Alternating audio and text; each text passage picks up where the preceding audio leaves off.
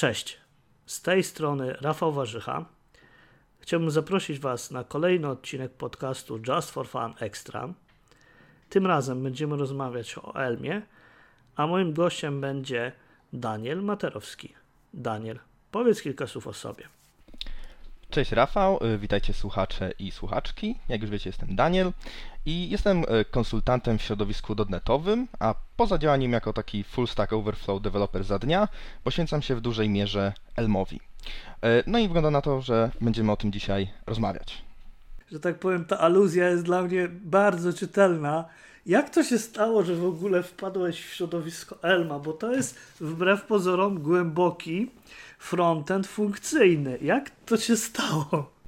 Znaczy, to jest historia w zasadzie dość długa, ponieważ y, generalnie najpierw y, działałem w WPF-ie, w sumie jak większość osób tak naprawdę zaczynająca w tym samym okresie w środowisku dotnetowym i interesował mnie web. Chciałem wejść do weba, ale web jeszcze tak jakby przed Angularem to była dla mnie czarna magia. To było takie trochę spaghetti.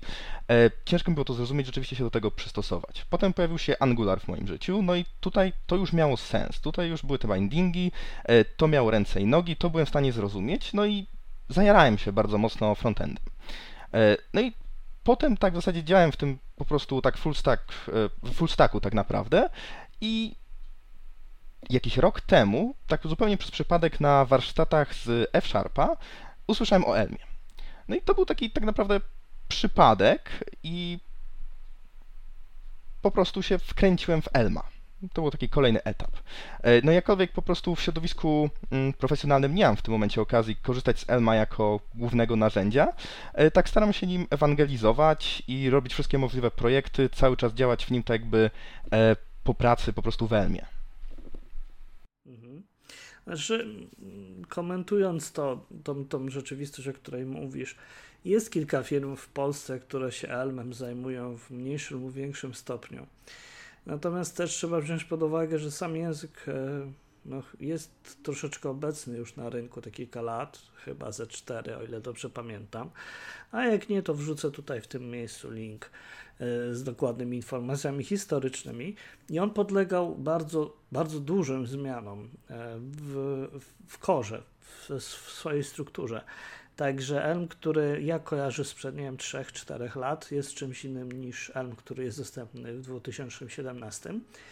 I też inny target osób się nimi zajmuje. I tu mi się rodzi właśnie pytanie w głowie, skąd ten hype, bo ten hype nie można jakby porównywać jego skali z, nie wiem, hypem na Reacta na przykład ostatnimi czasy, ale jest. Pojawia się e, Elm na konferencjach, pojawia się, tak jak mówiłeś, na warsztatach przy okazji programowania funkcyjnego, funkcyjno-reaktywnego, etc. I, I skąd się ten hype bierze? E, tutaj wydaje mi się, że są takie dwie ważne rzeczy od, odnośnie Elma. E, czyli po pierwsze, jeśli ktoś rzeczywiście spróbuje Elma, zacznie w nim pisać i potem wróci do takiego frontendu klasycznego, do, do JavaScriptu, to czuje tą różnicę, że to jest taki troszeczkę downgrade. To jest gorzej się pisze. Doświadczenie deweloperskie jest po prostu trochę gorsze. E, natomiast druga kwestia to jest to, że jeśli wchodzimy na stronę Elma, to to, co zobaczymy, to e, określenie, że Elm jest zachwycający i niezawodny. E, czyli mamy język, który w aplikacjach webowych stara się po pierwsze sprawić, że doświadczenie deweloperskie jest naprawdę pozytywne, a do tego zwiększa możliwość budowania takich naprawdę niezawodnych e, aplikacji, tworzenia logiki, która jest rzeczywiście nie powoduje błędów. Takiego, jedną z podstawowych rzeczy, o której się często mówi w kontekście Elma, to jest to, że Elm e, w praktyce nie ma błędów w runtime. No to to jest ogromna rzecz, to jest bardzo ciekawa rzecz, która powoduje, że ludzie zaczynają się nim interesować. Tutaj też e, do głowy mi coś przychodzi, no bo błędy w runtime to chleb powszedni u dewelopera webowego, tam jak w konsoli napiernicza tymi czerwonymi, e, czerwonymi błędami, to wiedz, e, że coś się dzieje. Natomiast ten promis Elma, który mówi no runtime errors, no jest taki, stoi w opozycji wobec e, gro spośród innych bibliotek, narzędzi, technik e, dostępnych na frontendzie. Mm, I też zastanawiam się, czy to z przynajmniej swojej perspektywy, jak, jak to widzisz, czy to jest tylko i wyłącznie marketing, tak jak e, ostatnio mieliśmy okazję poruszać w kontekście Elixira, czy, czy jednak jest w tym jakaś, jakaś głębsza prawda? Znaczy powiem tak, w tym szaleństwie jest metoda i to rzeczywiście w praktyce działa. Mamy aplikację, w której e, jest część Elma i część JavaScriptowa, to spokojnie możemy szukać źródła błędów w runtime w JavaScriptie. E, to jest kwestia tego, że język jest zbudowany w taki sposób, iż po pierwsze uniemożliwia ogromną ilość błędów, ogromną całą, całe klasy pewnych błędów, e, natomiast z drugiej strony w Elmie nie ma nuli. To więc jaki jest najczęstszy błąd w konsoli, jaki się pojawia? Znulowana zmienna, no to zdarza się, undefined jak najbardziej. No tak, no to jest y, chleb, chleb powszedni tak naprawdę. Wszelkiej maści nule i inne niezdefiniowane rzeczy. E, natomiast w Elmie to jest po prostu fizycznie, znaczy nie tyle fizycznie, co niemożliwe. No, okej, okay. ten promis, e, miałem okazję trochę popisać o Elmie całkiem niedawno w kontekście projektowym. I porównując pomysł, który leży za Elmem, który, który przyświecał Iwanowi Czaplickiemu e, podczas budowy tego języka. Ja dostrzegam w tym szaleństwie metodę. Natomiast mm, tutaj to zainteresowanie językami pure functional i typami high order types, czyli ty, typami wyższego rzędu, w kontekście JavaScripta pasuje mi do siebie, przynajmniej z mojej perspektywy, pasuje do siebie trochę jak pięść do nosa. Podejście, tak naprawdę wydaje mi się, że e, w ogóle podejście funkcyjne w jakimkolwiek języku, w jakimkolwiek środowisku, e, to jest rzecz, która ma troszeczkę takiego złego PR-u. Jeśli myślimy o programowaniu funkcyjnym, to momentalnie pojawia nam się w głowie hasło monada, pojawia się myślenie o językach, które de facto uważamy za języki bardziej przeznaczone do obliczeń naukowych niż do aplikacji takich line of business. I e, to jest w dużej mierze kwestia tego, że e, jest bardzo duża, jest bardzo duży pułap wiedzy i powiedzmy takich umiejętności inaczej. E, jest bardzo duża różnica w sposobie myślenia, na jaki trzeba się przestawić, aby e, rzeczywiście efektywnie działać e, w języku funkcyjnym. Więc jeśli jesteśmy przyzwyczajeni przez kilka lat do pisania po prostu w tym języku obiektowym, to nagle zmiana paradygmatu do funkcyjnego, gdzie nie możemy mieć efektów ubocznych, gdzie funkcje muszą zawsze zwracać to samo, ma bardzo duży rzeczywiście próg wejścia. Ale jeśli ten minimalny próg wejścia się pokona, E, to od razu bardzo szybko widać bardzo duże plusy tego, tego rodzaju pisania, zwłaszcza jeśli chcemy się skupić na tym, aby nasze aplikacje były naprawdę niezawodne. W kontekście Elma jest dość istotne to, że korzystamy z wbudowanego kompilatora, którego komunikaty są dość restrykcyjne. Czy nie przeszkadza Ci taki dodatkowy przyjaciel, który będzie Ci poprawiał? E, Wydaje mi się, że w kontekście tego kompilatora to jest on tak naprawdę naszym najlepszym przyjacielem, choć rzeczywiście jest dość restrykcyjny. E, w środowisku Elma jest takie powiedzenie, że w zasadzie jeśli już skompilujesz kod w Elmie, to ten kod najprawdopodobniej jest poprawny i będzie rzeczywiście działał tak, jak powinien. E, ponieważ e, rzeczywiście ten kompilator z jednej strony wymusza na nas dużo więcej pracy na początku, tak więc budując coś, powiedzmy, w jakimś JavaScriptowym frameworku, bylibyśmy w stanie dużo szybciej coś wrzucić e, do testów, czy po prostu e, uruchomić tak naprawdę i zobaczyć, jak to działa, niż w porównaniu do Elma. E, jednakże czas do rzeczywiście zakończenia pracy nad jakąś funkcjonalnością w Elmie powinien być krótszy. Z takiego prostego powodu, że sam kompilator tak naprawdę powstrzyma nas przed zrobieniem ogromnej, klas, ogromnej ilości klas błędów i e, praca w Elmie na początku jest troszeczkę dziwna. E, jeśli po prostu przerzuca się człowiek z JavaScriptu nagle do Elma i nie ma tutaj szybkiej możliwości stworzenia jakiegoś bardzo prostego kodu, wrzucenia jakichś danych z serwera prosto na, na UI. Takie rzeczy są praktycznie rzecz biorąc niemożliwe, ponieważ wszystko trzeba w pewien sposób zaprojektować i stworzyć. E, natomiast w długim terminie, w terminie działania po, powiedzmy całej jakiejś funkcjonalności, czy już całego projektu, jest to taki trade-off, który, którego efektem jest jak najbardziej plus, jest zysk. Tu trzeba przyznać, że ten kompilator naprawdę pomaga i w porównaniu do, do innych języków podobnego rzędu, jego obecność przynajmniej z mojej perspektywy akurat się przydaje. Natomiast ja się spotkałem z takimi twierdzeniami deweloperów, którzy się zawodowo Elmem pasjonują lub go wykorzystują e, w pracy, e, że skoro kompilator broni nas przed popełnieniem błędów, nazwijmy je powiedzmy logiczne w kategoriach e, tworzenia typu, w kategoriach projektowania, o tak to nazwijmy, to po co testować kod? I to jest e, i to jest coś, z czym, z czym pewien problem. No bo rozumiem w, pe, w, pewien, w pewien sposób, że kod napisany w e, Elmie jest jednocześnie testem z pewnego punktu widzenia, bo tworzymy DSL w oparciu o Elma, czyli opis rzeczywistości, którą, mm, którą projektujemy, którą e, rzucamy na użytkownikowi na, na talerz i w bardzo restrykcyjny sposób ograniczamy tą rzeczywistość, żeby nie można było zrobić źle. Po prostu się nie da. I teraz tak. Czy kompilator nas uchroni przed tym, że coś źle zrozumiemy? No, według mnie niespecjalnie. Czy kompilator nas uchroni przed tym, że się wymagania zmienią? No, też niespecjalnie. Ale z drugiej strony jest. I gdy te wymagania się zmieniają z czasem, jak, jak wiemy, po prostu tak to, to działa, e, powie nam, że słuchaj, no w momencie, w którym to pisałeś, to powinno działać tak. Stworzyłeś zamknięty system, który powinien działać w taki, a nie w inny sposób. I teraz jak, jak zapatrujesz się na tą kwestię? Znaczy powiem tak, e, jest rok 2017 i wydaje mi się, że w tym momencie kwestionowanie e, TDD jest już po prostu, to już nie powinniśmy tego robić w tym momencie.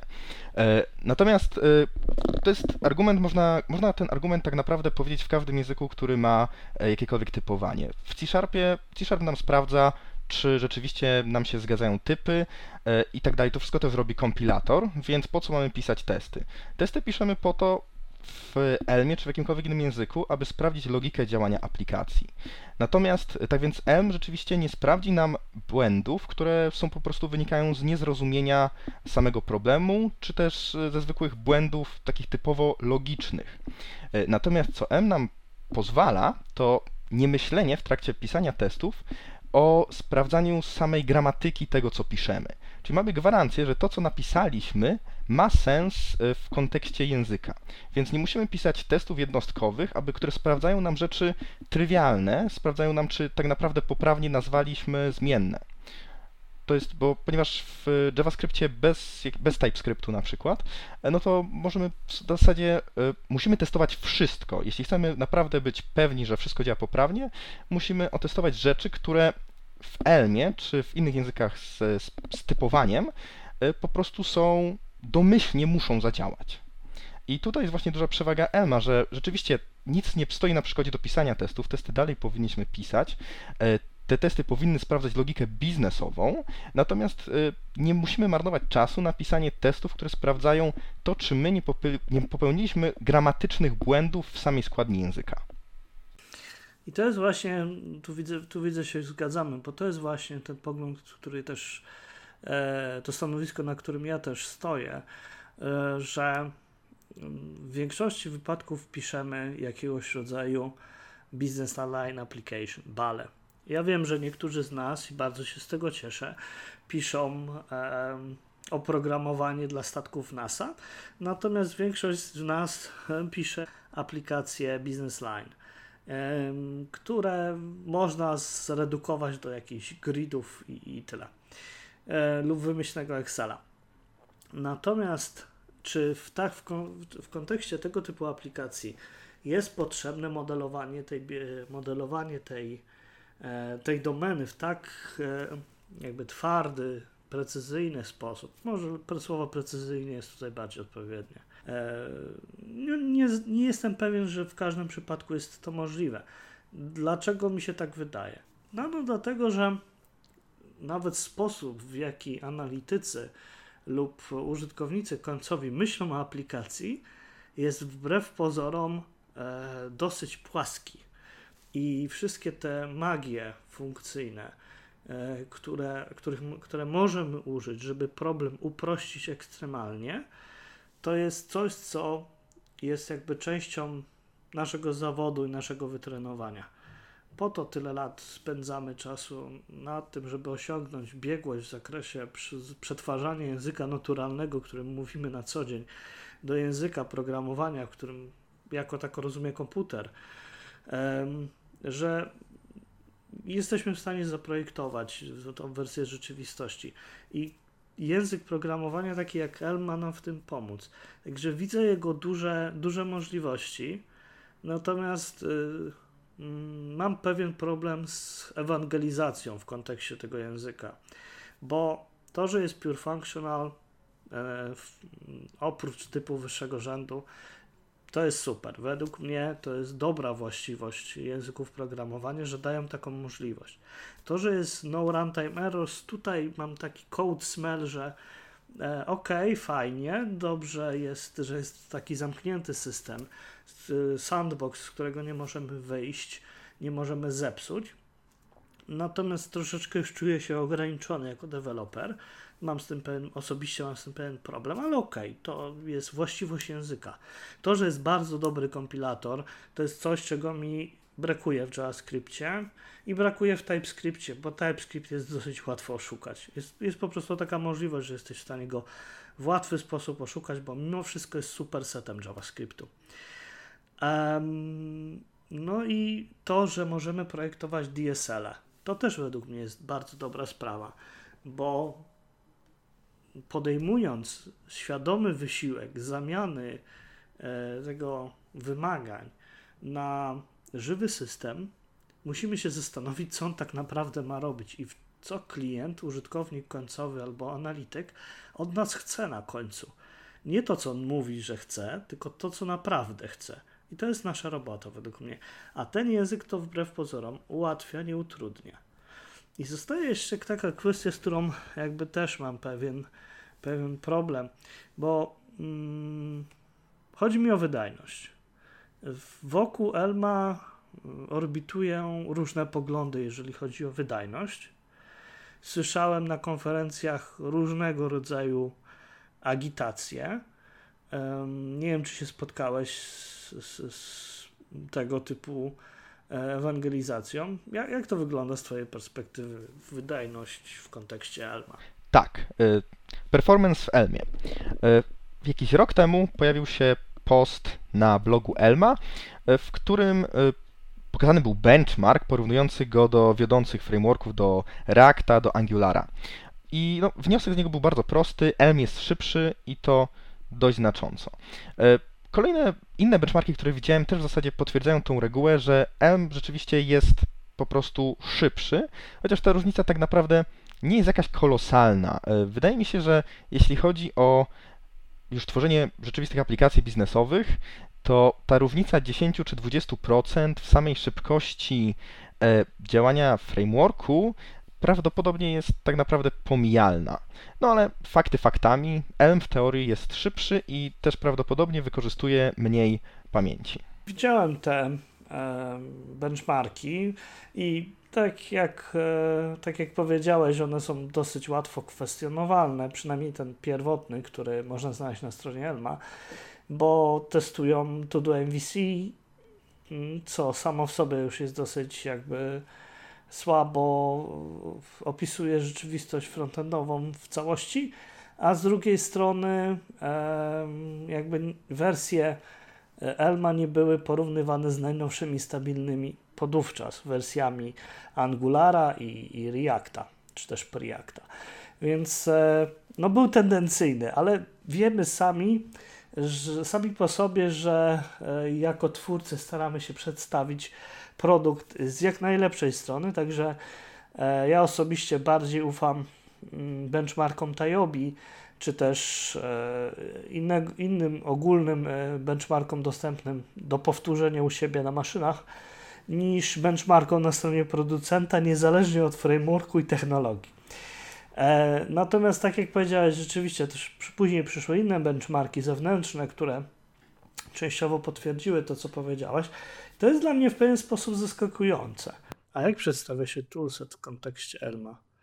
Programowanie funkcyjnie jest dość specyficzne z punktu widzenia debugowania i analizowania. Jak to wygląda z Twojej perspektywy? Znaczy tak, e, w Elmie przede wszystkim mamy kompilator, o którym już sporo mówiliśmy dzisiaj. E, Czy to jest takie narzędzie, z którego korzystamy cały czas i który powinniśmy mieć, jeśli robimy coś poważniejszego w Elmie, powinniśmy mieć zintegrowany bezpośrednio, czy to przez Webpacka, czy w jakikolwiek inny sposób z naszym środowiskiem. E, I na bieżąco mamy feedback odnośnie tego, mamy sprzężenie, co zrobiliśmy źle.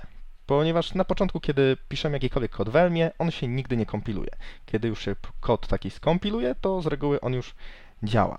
E, jeśli chodzi o integrację Elma, już rzeczywiście po prostu tworzenie prawdziwych aplikacji, takich real world, e, to rzeczywiście Elma trzeba zaembedować w JavaScriptie, musimy mieć jakiś sensowny, e, sensowną integrację, aby to wszystko było robione automatycznie. Są też różne podejścia do e, działania z CSS, ponieważ możemy zarówno dodawać po prostu zwykłe pliki CSS-owe, jak i oczywiście mieć cały, cały, pipe, cały pipeline e, kompilacji SASA, LESA i tak dalej, tudzież sam Elm w sobie e, ma frameworki, tak jakby, ma biblioteki, które umożliwiają generowanie statycznie, tak jakby typowo bezpiecznego, e, typowo bezpiecznych stylów.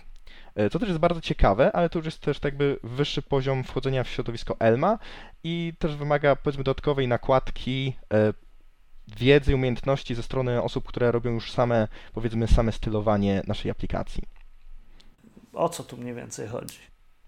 Znaczy tutaj w dużym skrócie chodzi o to, że e, możemy wykorzystywać, możemy tak naprawdę pisać style w Elmie i z nich generować sobie dopiero pliki CSS-owe, które e, dodamy tak, już, tak naprawdę do finalnej aplikacji, tak by normalnie było odtwarzane e, w przeglądarce. No i w tym momencie korzystamy z dużej ilości benefitów, jakie są tak naprawdę w tym języku, czyli tak naprawdę jesteśmy pewni, że nie, nie zrobimy jakiegoś przypadkowego, nieudanego rename'a. No, mamy takie po prostu zabezpieczenia dodatkowe na, na względem tego, co robimy e, ze stylami w naszej aplikacji.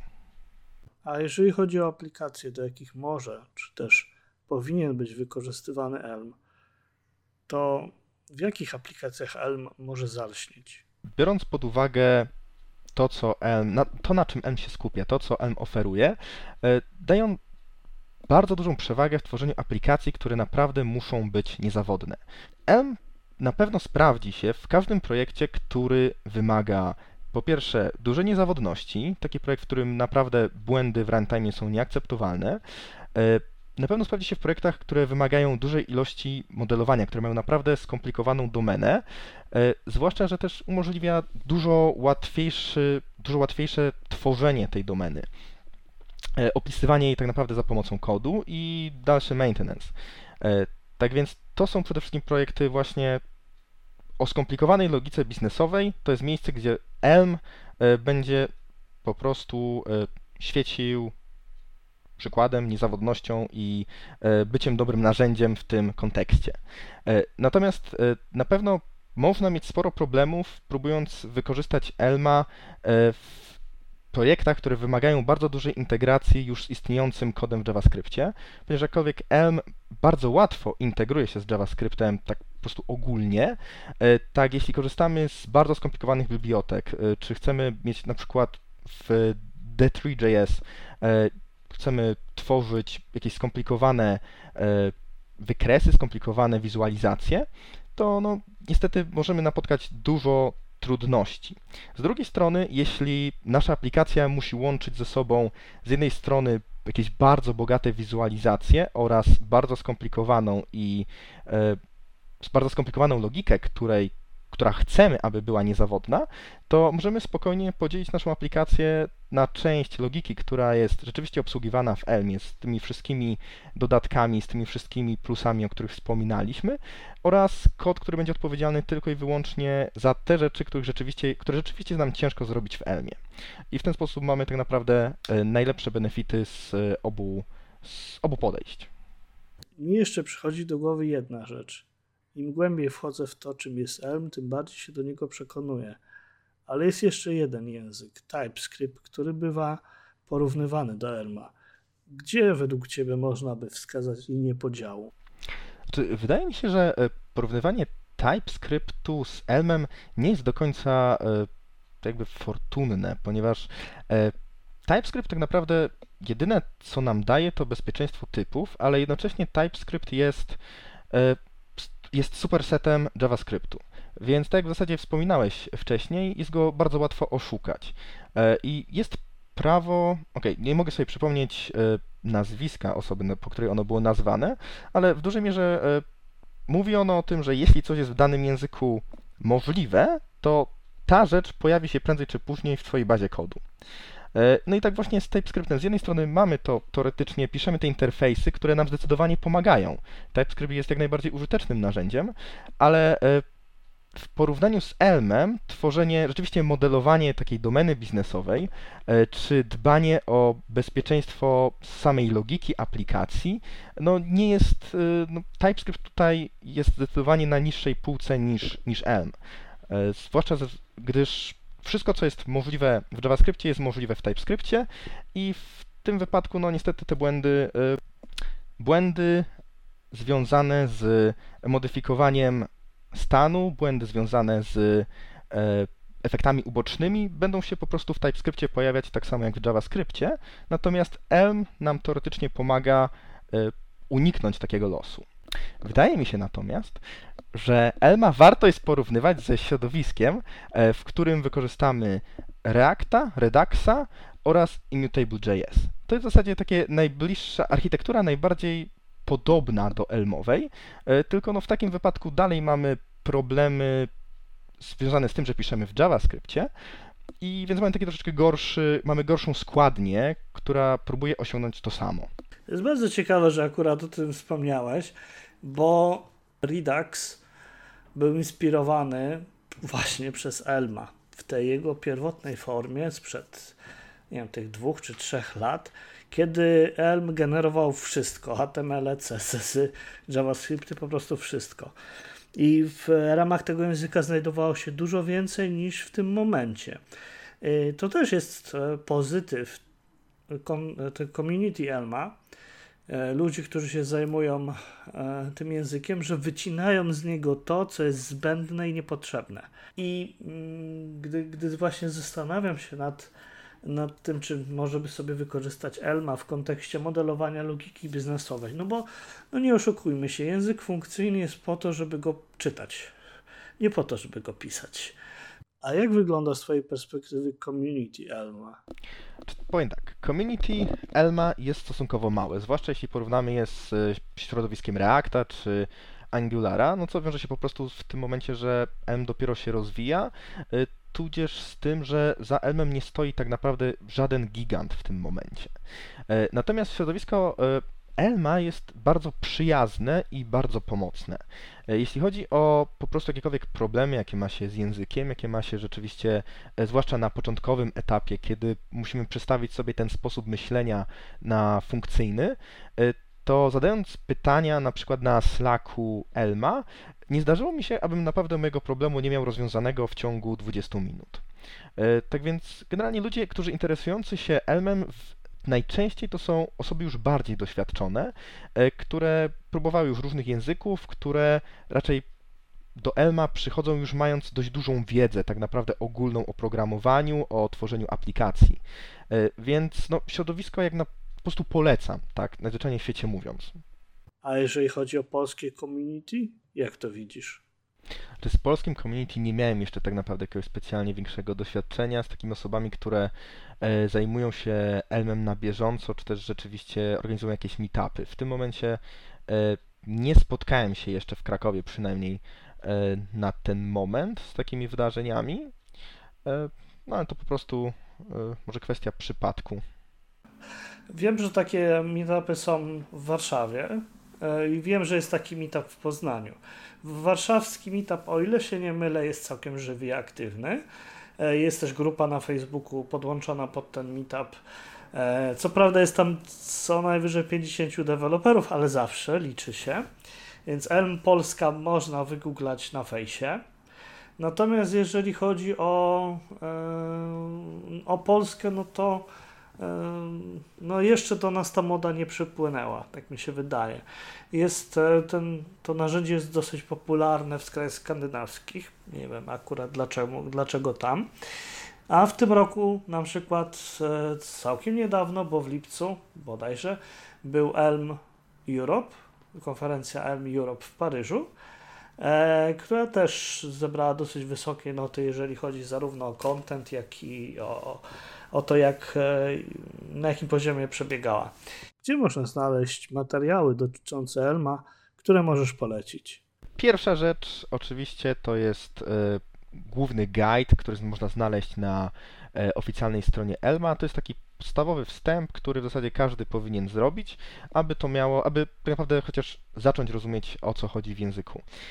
Dalej jest dużo kursów w internecie, które, które można znaleźć, powstają o tym książki. E, tak naprawdę wszystkie materiały, z jakimi się spotkałem, były raczej dużej jakości, były wysokiej jakości i sam robiłem kilka kursów. Prawdopodobnie możemy jakieś linki dodać e, w samych już notatkach do tego podcastu.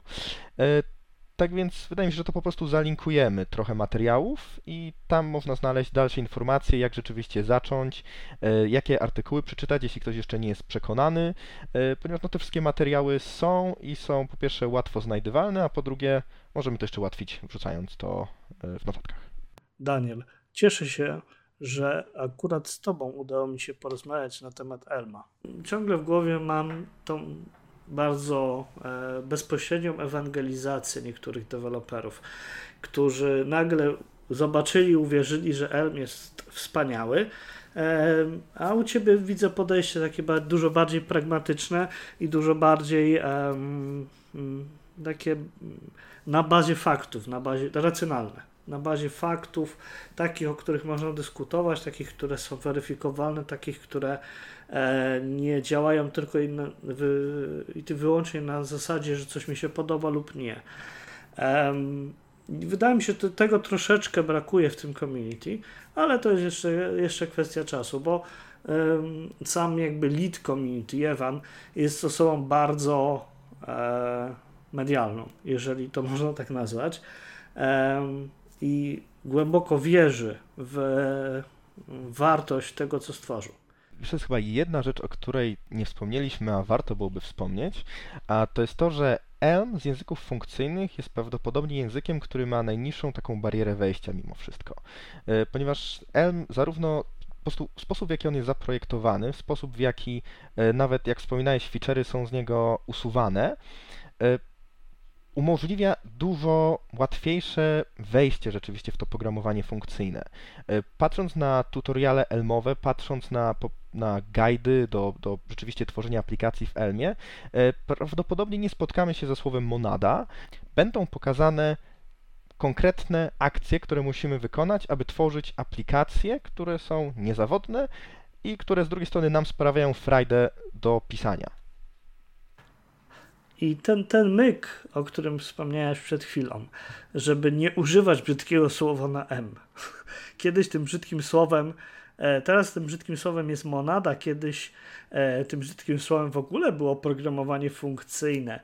I jako osoba pochodząca ze światu, do, świata dotnetu wiesz e, i kojarzysz wyrażenia lambdowe, które zostały wprowadzone w, w, w C-Sharpie już szmat czasu temu, nigdy nie były nazywane, że to jest programowanie funkcyjne w takim rozumieniu map, reduce i tak dalej, monad, te, nikt tego tak nie nazywał. To było wprowadzone jako feature, który ma ułatwić e, programowanie.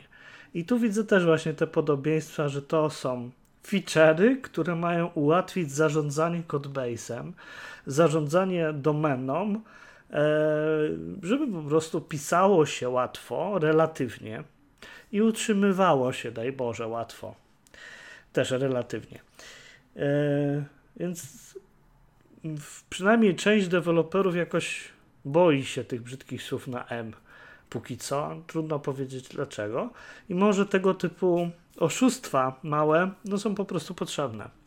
E, wydaje mi się, że czas naszego odcinka powoli dobiega końca. Daniel, gdzie możemy znaleźć więcej informacji o Tobie? O mnie w tym momencie w internecie specjalnie dużo informacji nie znajdziecie. E, na pewno możecie e, zobaczyć mojego GitHuba, D. Materowski, e, lub ewentualnie ten podcast już prawdopodobnie będzie udostępniony po konferencji TWF. Tak więc, jeśli ktoś będzie na niej, ktoś się pojawi na niej, to pozdrawiam. Daniel, dzięki za przyjęcie zaproszenia, interesującą dyskusję. A wszystkich słuchaczy zapraszamy na kolejny odcinek Just for Fun już niedługo. Zapraszamy również do śledzenia naszego profilu na Facebooku i Twitterze. Do usłyszenia.